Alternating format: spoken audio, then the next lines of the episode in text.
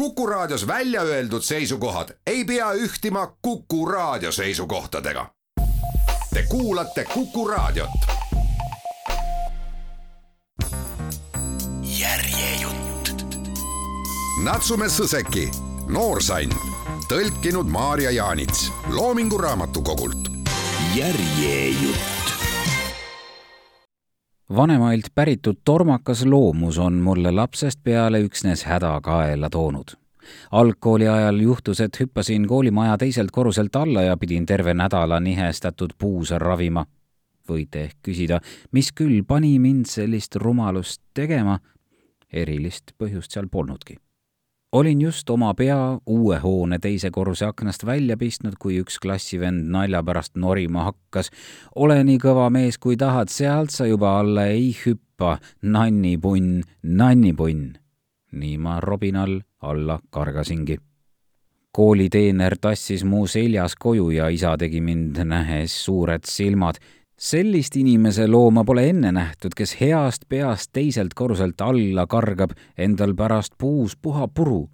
aga mina lubasin, et järgmine kord hüppan juba nii, et kriimugi ei saa. siis sain sugulaselt kingituseks lääne päritolu liigendnoa ja kui ma seda sõpradele näitasin ning haljal teral päikeses uhkelt särada lasin, ütles üks. läigib jah ilusasti, aga mis ta tühi ka lõikab Pole asja, mida see ei lõikaks, ütle aga, kohe näitan ette, võtsin mina väljakutse vastu. no näita siis, kuidas see su sõrme võtab, nõudis küsija, mispeale mina kuulutasin, mis see üks näpp ka ära ei ole ning lõikasin ristipidi parema käe põidlas selga. Õnneks oli nuga väike ja luu kõva, tänu sellele on pöial mul tänaseni käe küljes. arm ei kao aga elu lõpuni üle meie õue paarkümmend sammu ida ja siis lõuna poole minnes jõudis kitsukesse köögiviljaaeda, mille keskel seisis üksik kastan. see puu oli mulle armsam kui omaenda elu.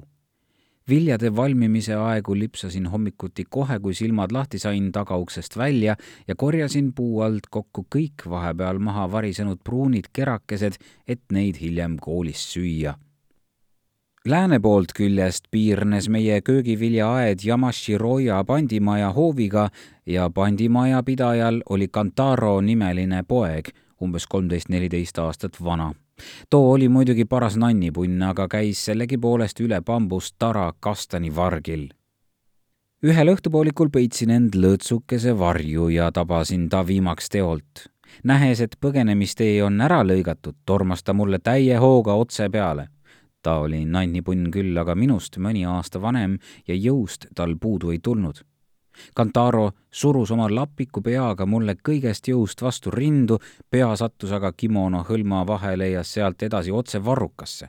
seepeale katsusin mina kätt vabaks saada ja hakkasin sihitult edasi-tagasi vehkima, nii et käisesse kinni jäänud Kantaro pea samuti kaasa kõlkus taolise piinarikka kohtlemise peale lõi tema viimases hädas mulle hambad käsivarde kinni. see tegi põrgu valu ja ma surusin Kantoro vastu tara, panin talle jala taha ning tõukasin ta endast eemale. Yamashiroja pandimaja hoov oli meie köögiviljaaiast ligi kaks meetrit madalamal. Kantaro lendas mu kimonovarrukat kaasa, rebides käkas kaela ja maandus valju kööksatusega pandimaja õuele viimaks ometi pääses mu käsi vabalt liikuma. ema käis veel samal õhtul Yamashiroyas vabandust palumas ning tõi käise ka tagasi. peale selle sattusin veel kõiksugu pahandustesse. ükskord hävitasime puussepa Kaneko ja kalapoe Kakuga terve Mosaku porgandimaa osaliselt tärganud taimedega peenrad olid kaetud õlgedega ning meie harjutasime seal pool päeva suure õhinaga sumomaadlust, mille käigus tallasime muidugi puruks ka kõik noored porgandivarred.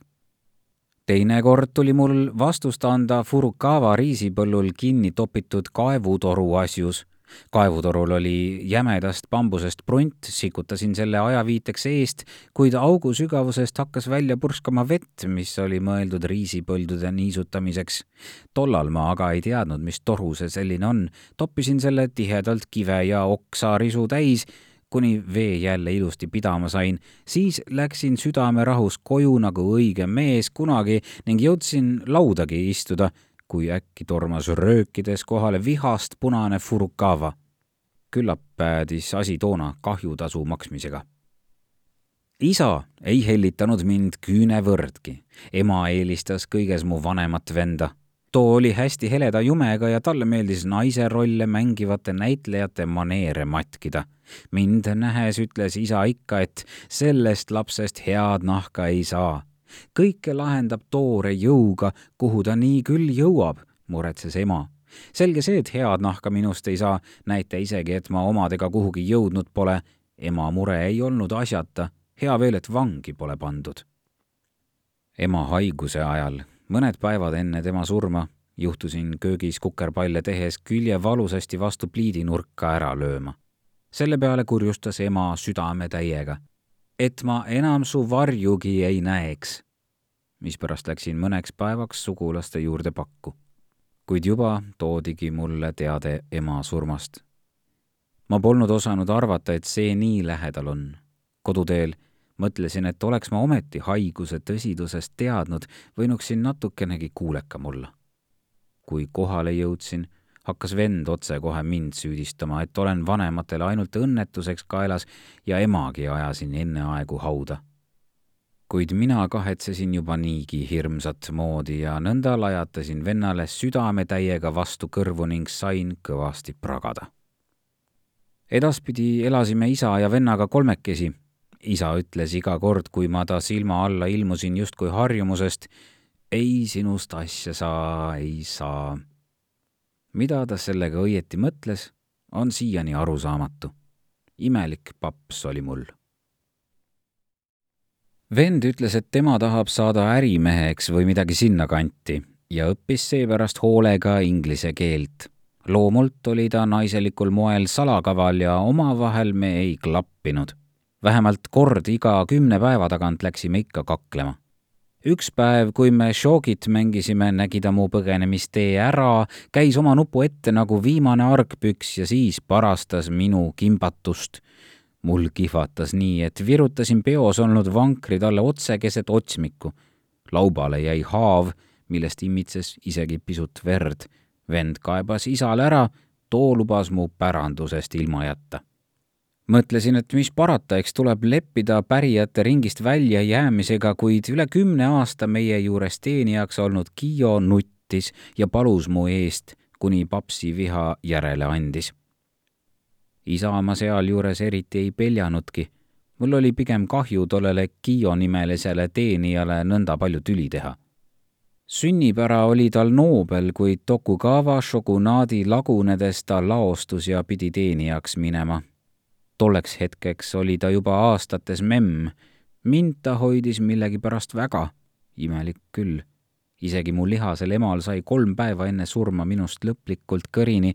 mu oma isa ei teadnud, mida minuga peale hakata ning naabruskonnas oli mul löömavenna ja huligaani kuulsus. sellist poissi pidas tema kalliks olin juba rahu teinud sellega, et ma lihtsalt ei meeldigi inimestele ja pidasin täiesti tavaliseks, et minust ei tehtud rohkem välja kui puutükist. ning nii tundus hoopis Kiio osutatav lahkus mulle imelik. vahel, kui olime köögis omavahel, kiitis Kiio mind. küll teie olete hea, ausa ja sirgjoonelise loomuga mina aga ei saanud hästi aru, mida ta sellega öelda tahtis. mõtlesin, et kui ma tõepoolest hea loomuga oleks, siis oleksid ju ka teised inimesed, mitte Kiio üksi, minu vastu pisutki lahkemad. nii kohmasin Kiio jutu peale alati, et meelitamine mulle ei meeldi. memm aga ütles, just see näitabki, kui hea loomuga te olete ning vaatas mind õndsal ilmel, nagu uhkustaks omaenda kätetööga. see tekitas kuidagi ebamugava tunde ema surma järel muutus Kiio minu vastu üha lahkemaks. vahel imestasin oma lapse südames ta hoolitsuse üle ja suhtusin sellesse ebalevalt. pidasin seda tüütuks, pigem tahtsin, et mind rahule jäetaks. tema hoolitsus valmistas mulle piinlikkust. Kiio ei lasknud end sellest häirida mõnikord ostis ta oma kasina teenistuse eest mulle komme, kintsuba koogikesi ja kobayaki küpsiseid külmade ööde tarbeks oli ta salakesi tatrajahu varunud ning õhtuti ilmus muu aseme veerde soe tatrajook. vahel ostis ta mulle isegi savipotikeses udonit. tema lahkus ei piirdunud toiduga, sain temalt ka sokke, pliiatseid, kaustikuid. ükskord, see juhtus küll jupp aega hiljem, laenas ta mulle tervelt kolm jeeni, ilma et oleksin palunud Kiio tuli ise minu tuppa, ütles, et teil on ju raske niimoodi ilma taskurahata, säh, võtke ja kulutage. esiti ma muidugi keeldusin, et pole vaja, aga tema käis hoolega peale, kuni lõpuks võtsingi raha laenuna vastu. tegelikult oli mul muidugi hirmus hea meel. panin need kolm jeeni hoolikalt klõpsuga kukrusse ja kukru omakorda põue, aga käimlasse minnes pudenes see sealt supsti otse alla auku arvasin juba, et olengi kukrust ilma, aga kui ma vastu tahtsi jälle välja ilmusin ja juhtunu Kiiole ära rääkisin, võttis ta sedamaid bambusridva ning lubas kukru välja õngitseda. ei läinudki kaua, kui kuulsin kaevu äärest valju solinat. Läksin asja uurima ja nägin, kuidas Kiio uhas paelapidi bambusridva külge haakinud kukrut veega järgmiseks tegi ta kukru suu lahti ja võttis ühe rahatähe välja, et seda lähemalt vaadata pruunika tooni omandanud kupüürikiri oli kohati üsna tuhmunud. Gio kuivatas rahatähed söepanni kohal ära ning ulatas mulle. näe, nüüd käivad jälle. mina aga vedasin ninaga, et need ju haisevad. Gio küsis rahatähed uuesti enda kätte ja lubas minna ära vahetama.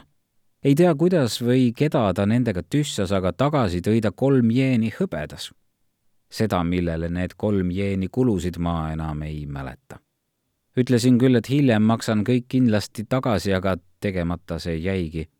nüüd, kus ma võla hea meelega kas või kümnekordselt tasuksin, pole see enam võimalik. kui Kiio mulle midagi andis, toimus see kindlasti siis, kui venda ega isa polnud nägemas. kuid vargsi üksnes enesele head ja paremat ahnitseda oli minu jaoks üks vastumeelsemaid asju üldse. olgugi mu läbisaamine vennaga vilets ikka ei meeldinud mulle tema eest salaja Kiiolt maiustusi ja värvipliiatseid saada. kord küsisin, miks sa ainult mulle annad, vennale aga mitte. Kiio vastas, justkui see oleks iseenesestmõistetav. vennale ostab neid asju isa, pole vaja muretseda. minu meelest polnud see isa suhtes aus. jah, ta oli põikpäine mees, aga mitte selline, kes oma lastel niimoodi vahet teinuks. Kiiole võis see muidugi lihtsalt nii tunduda oli ta ju minusse nii väga kiindunud. nooblist päritolust hoolimata oli ta siiski kõigest üks hariduseta vana naine. kusjuures see polnud veel kõik.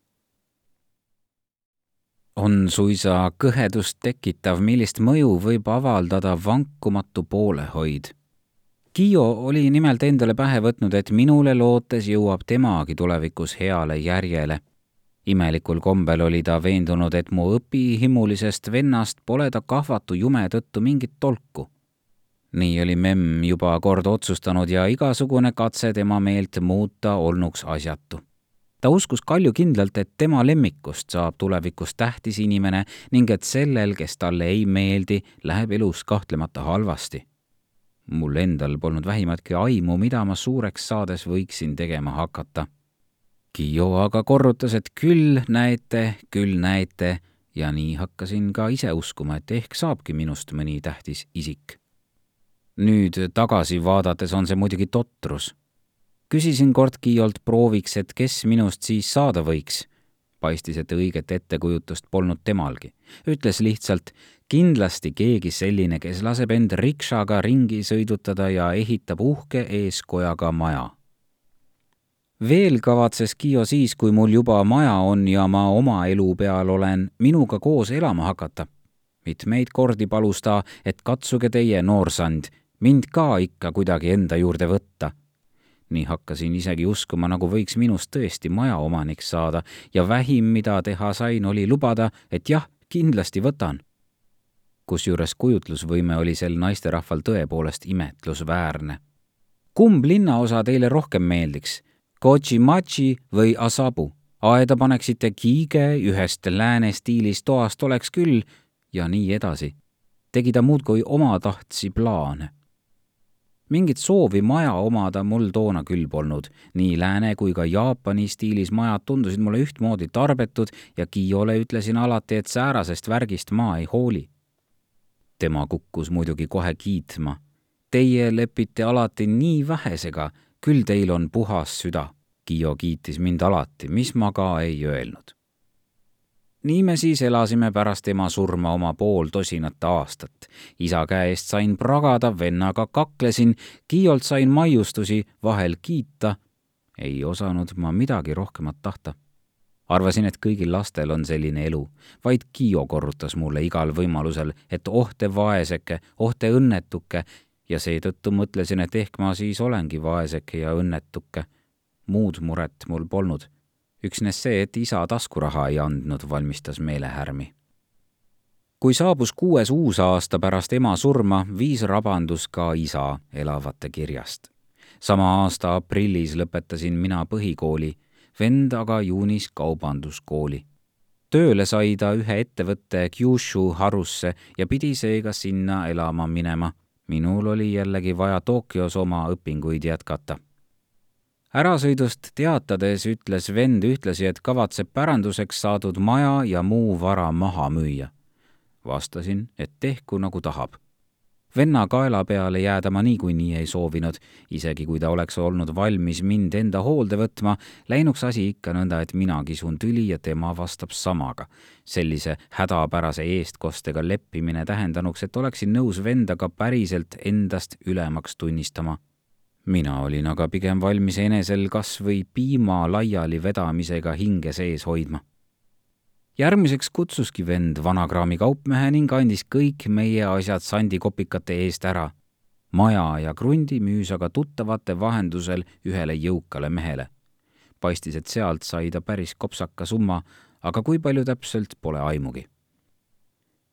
olin edasiste võimaluste selgumist oodates juba kuu varem Kanda linnaosas Ogawamachi piirkonnas kostikoha leidnud Kiio kahetses hirmsasti, et tema viimase kümne aasta elupaik võõraste inimeste kätte läks. aga mis teha, polnud see ju tema maja. kui teie ainult natukene vanem oleksite, siis saaksite majapidamise üle võtta, korrutas ta ühte lugu. majapidamise ülevõtmine vanuse taha nüüd küll ei jäänud memm ei taibanud neist asjust midagi ja uskus, et mõne aasta pärast oleksin võinud venna maja heast peast enese omaks kuulutada vennaga läksid meie teed nüüd lahku, aga Kiio saatus oli veel otsustamata. Kyushule ei oleks Kiiot saanud kuidagi kaasa võtta ja ega Kiio tahtnukski venna sabas kaugele ära sõita. mina aga konutasin ju odavas nelja ja poole matises üüritoas, sealtki valmis iga hetk välja kolima. Kiio heaks polnud mul võimu midagi teha. küsisin siis temalt, kas vaataksid ehk endale uue teenijakoha aga tema oli juba teisele otsusele jõudnud. Pole parata, kuni teie oma maja saate ja naise võtate, seni tuleb minul oma nõole koormaks olla. too nõbu oli kohtukirjutaja, kes elas üsna lahedalt ära ja oli varemgi Kiiot enda juurde elama kutsunud, kuid seni polnud Kiio järele andnud, kinnitades, et eelistab jääda aastatega omaseks saanud majja, olgugi et teenija rollis nüüd pidas ta ilmselt siiski paremaks nõole tüliks olla, kui hakata mõnes võõras majapidamises uuesti teenija eluga kohanema. sellegipoolest vannutas Kiio mind. saage juba ruttu maja omanikuks ja võtke naine, siis tulen mina ja hoolitsen teie eest. paistis, et ta eelistas täiesti võõrast verd mind isegi oma lihasele nõole kaks päeva enne ärasõitu Kyushu saarele tuli vend minu juurde üürituppa, andis ligikaudu kuussada jeeni ja ütles, tee sellega, mis ise tahad. pane äri püsti või õpi edasi, aga vastutasuks pole edasine enam minu mure. venna viis asja lahendada avaldas mulle muljet.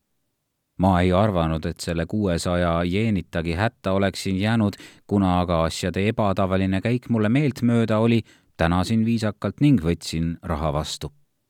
vend tõmbas seepeale välja veel viiskümmend jeeni ja lisas, kui saad, anna Kiiole edasi. võtsin ka selle vastu vaidlemata enda kätte, kaks päeva hiljem läksime Shinbashi rongipeatuses teineteisest lahku ja rohkem pole ma teda enam näinud. enne uinumist mõtlesin, mida oma kuuesaja jeeniga peale hakata äri alustamine tundus tülikas ja riskantne ning kõige tipuks ei piisaks kuuesajast jeenist, et panna püsti midagi sellist, mis ka äri moodi oleks. liiatigi tõotas sel viisil alustatud ärist, ilma et mul ühtki diplomit ette näidata oleks, ainult kahju tõusta. selge pilt, kasutan seda raha parem õppimiseks kui kuussada jeeni kolmeks osaks jagada ning aastas kakssada jeeni kulutada, siis saaksin kolm aastat koolis käia kolm aastat usinat õppimist peaks ju kuhugi ikka välja viima. järgmistel päevadel hakkasin niisiis vaagima, millisesse kooli minna. aga kui proovisin tulevast eriala valida, ei leidnud ma ühtegi meelepärast. keeled ja kirjandus hakkasid kohe täiesti vastu. kaasaegset vabavärssi või muud säärast lugedes ei saanud ma tavaliselt kahekümne rea peale ühestki aru mõtlesin küll, et kui niikuinii miski ei meeldi, siis pole ju vahet, aga kui ma kord juhuslikult reaalsuuna ametikooli eest mööduma sattusin ja uute õpilaste vastuvõtmise kuulutust silmasin, nägin selles saatuse märguannet. võtsin kooli tutvustava vihikukese ning ajasin sedamaid sisseastumiseks vajalikud paberid korda praegu mõtlen, et oli ju seegi üks vanematelt päritud tormakusest tingitud eksisammudest Need kolm aastat õppisin enam-vähem nagu iga teinegi, aga et ma polnud just lahtise peaga, siis pingereast pidin oma nime otsima ikka tagantpoolt alustades. kummatigi sain kolme aastaga siiski koolist läbi, tundus endalegi imelik, aga nuriseda ka ei sobinud ja nõnda saigi õpingutega ühele poole. kaheksandal päeval pärast lõpetamist kutsus direktor mind enda juurde. Läksin, mõeldes, et vast on mingi formaalsus veel vaja korda ajada koha peal selgus aga, et hoopis üks põhikool Shikoku saarel otsib matemaatikaõpetajat. palka makstakse nelikümmend jeeni kuus, mis sa arvad, kas lähed? uuris direktor. olin küll kolme aastaga diplomi välja teeninud, aga kui aus olla, siis sellele, mida õpituga peale hakata, polnud ma üldse mõelnud õpetajaks minna või kuhugi maakohta kolida polnud mul kindlasti vähimatki soovi, aga ühtegi muud väljavaadet mul ka polnud mistõttu vastasingi otsemaid, et olgu peale, lähen. juba jälle lõi välja vanematelt päritud tormakas loomus. kui töö vastu võetud, tuli seda ka tegema hakata. viimased kolm aastat olin veetnud suurema osa ajast oma nelja ja poole matisesse tuppa sulgununa ning kellelgi polnud minuga kordagi ütlemist olnud. puudunud oli ka igasugune vajadus rusikaid käiku lasta see oli olnud üks võrdlemisi muretu aeg minu elus. nüüd tuli need neli ja pool matti vabaks anda. ma polnud elu jooksul Tokyost rohkem ära käinud kui üks klassikaaslastega tehtud väljasõit Kamakurasse. kuid nüüd polnud enam tegemist mingi Kamakuras käiguga, sõita tuli tohutu kaugele kaardilt vaadates oli too linn kõigest pisike küberrannikul nagu nõelaots. karta võis, et pole just suurem asi koht mul polnud küll õrna aimugi, mis linn see selline on ja millised inimesed seal elavad. aga ma ei lasknud teadmatusel end häirida. milleks muretseda? tuleb lihtsalt kohale minna. sellegipoolest tundus kogu ettevõtmisega olevat rohkem vaeva kui asi väärt. ka siis, kui vanemate maja oli juba uuele omanikule üle antud, käisin vahel ikka Kiiol külas. tema nõbu osutus ootamatult kenaks inimeseks võimalusel kostitas ta mind lahkesti. Kiio nügis siis mu ettepoole istuma ja hakkas mind kõikvõimalikel viisidel üles kiitma. muuhulgas võis ta näiteks teatada, praegu lõpetab ta kooli, aga pärast ostab Kochi-Machi kanti maja ja hakkab riigiametit pidama üksipäini tegi plaane, üksipäini rääkis ning minul ei jäänud muud üle, kui näost hõõgudes pealt kuulata. seda juhtus rohkem kui üks kord vahel veeres jutt minu poisipõlveaegsete voodimärgamisteni välja, sellal kui mina piinlikkusest sootuks kõnevõime kaotasin. ei tea, mida too nõbu küll Kiio uhkustamist kuulates mõelda võis. eks Kiio oli ju veel eelmise ajastu inimene, kelle jaoks meie omavaheline suhe pidi põhinema sama vankumatul lojaalsusel kui isanda ja vasalli oma küllap oli ta veendunud, et tema isand on isand ka tema nõo jaoks vaene nõbu, kes pidi selle kõik välja kannatama. kolm päeva enne teele asumist, kui asjaajamised olid ühel pool, jõudsin viimaks ka Kiiot vaatama ning leidsin ta tema väikesest kolme mati suurusest põhjapoolsest toakesest külmetusega asemel lebamas. mind nähes ajas ta end kähku üles ja küsis, noorsand, millal te juba endale maja saate? Tema arust tuli vaid kool ära lõpetada, kui juba raha iseenesest taskuisse voolama hakkab tundus lausa kummaline, et ta niivõrd erakordset isikut ikka veel nõnda koduselt noorsandiks kutsus. seletasin talle siis, et mitte veel niipea, sõidan hoopis linnast ära. see paistis talle suurt pettumust valmistavat ning ta silus aina uuesti ja uuesti üht hallisegust sagrissalku oma oimu kohal. Mul hakkas temast kangesti kahju ja ma lohutasin praegu lähen ära, aga juba varsti olen tagasi. järgmise aasta suvevaheajal tulen kindlasti Tokyosse. kuid Kiio oli ikka veel näost ära, mispärast küsisin. ei tea, mida ma sulle kingituseks võiksin tuua, mida sa sooviksid? ja tema vastas, kui tooksite mulle ehk Eshigost Sasa Ame maiust proovida. mingist Eshigo Sasa Amest polnud mina kuulnudki alustuseks oli juba suund vale. ütlesin, et selles maakohas, kuhu mina lähen, ei paista Saassa Aame nimelist maiust olevat, aga tema küsis vastu, et kuhu poole see siis jääb. ütlesin, et läände, aga tema uuris edasi, et kas enne Hakone lossi või pärast. olin nende lõputute pärimistega üksjagu hädas kohe ärasõidupäeval tuli ta hommikul varakult minu poole ning hakkas sekeldama tulles oli ta teele jäävast pudupoest ostnud hambapulbri, hambaharja ja käterätiku ning nüüd toppis ta need kõik muu riidest reisikotti. keelasin küll, et pole vaja, aga ega tema ei teinud kuulmagi. siis võtsime rikšad ja sõitsime rongijaama. kui olime platvormile pääsenud ning mina juba vagunis istusin, sõnas ta tasasel häälel. see võib olla viimane kord meil teineteist näha. olge terve ja ta silmi tulvasid pisarad. mina ei nutnud, aga ega palju puudu ka ei jäänud. rong jõudis juba üksjagu edasi liikuda, kui mulle lõpuks tundus, et oht on möödas ning võin pisaraid kartmata pea aknast välja pista ja tagasi vaadata. seal ta seisiski. millegipärast tundus ta mulle järsku nii kohutavalt väikene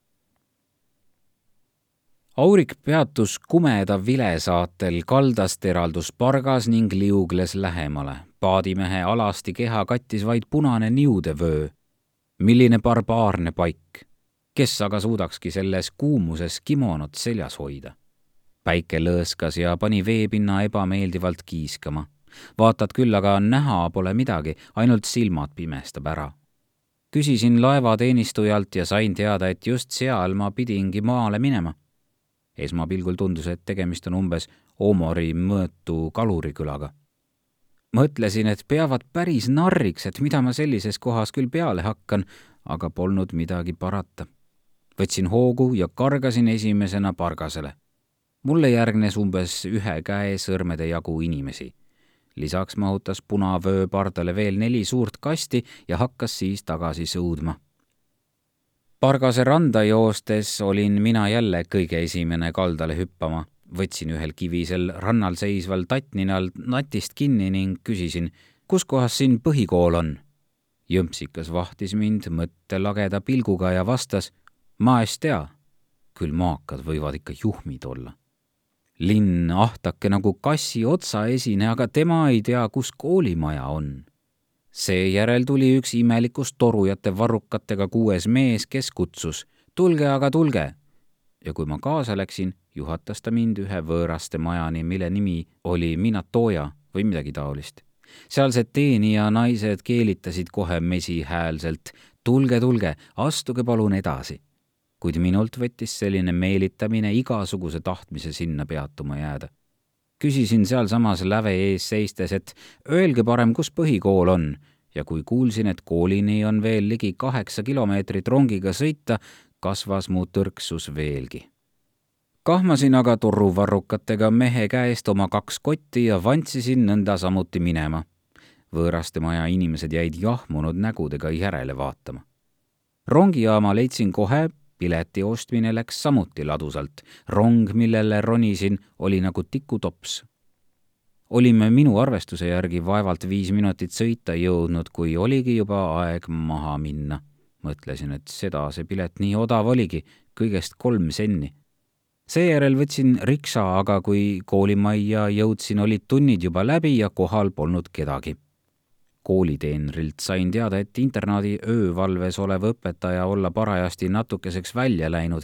paistis, et too õpetaja suhtub oma kohustustesse üsna muretult kaalusin siis, kas astuda direktori juurest kodust läbi, aga et olin reisist päris kurnatud, ronisin riksasse ja käskisin vedajal end hoopis mõnda võõraste majja sõidutada too jooksis hea hooga Yamashiroya nimelise koha ette. Kantaro perekonna ettevõtte nimi oli samuti Yamashiroya ja see tundus olevat huvitav kokkusattumus.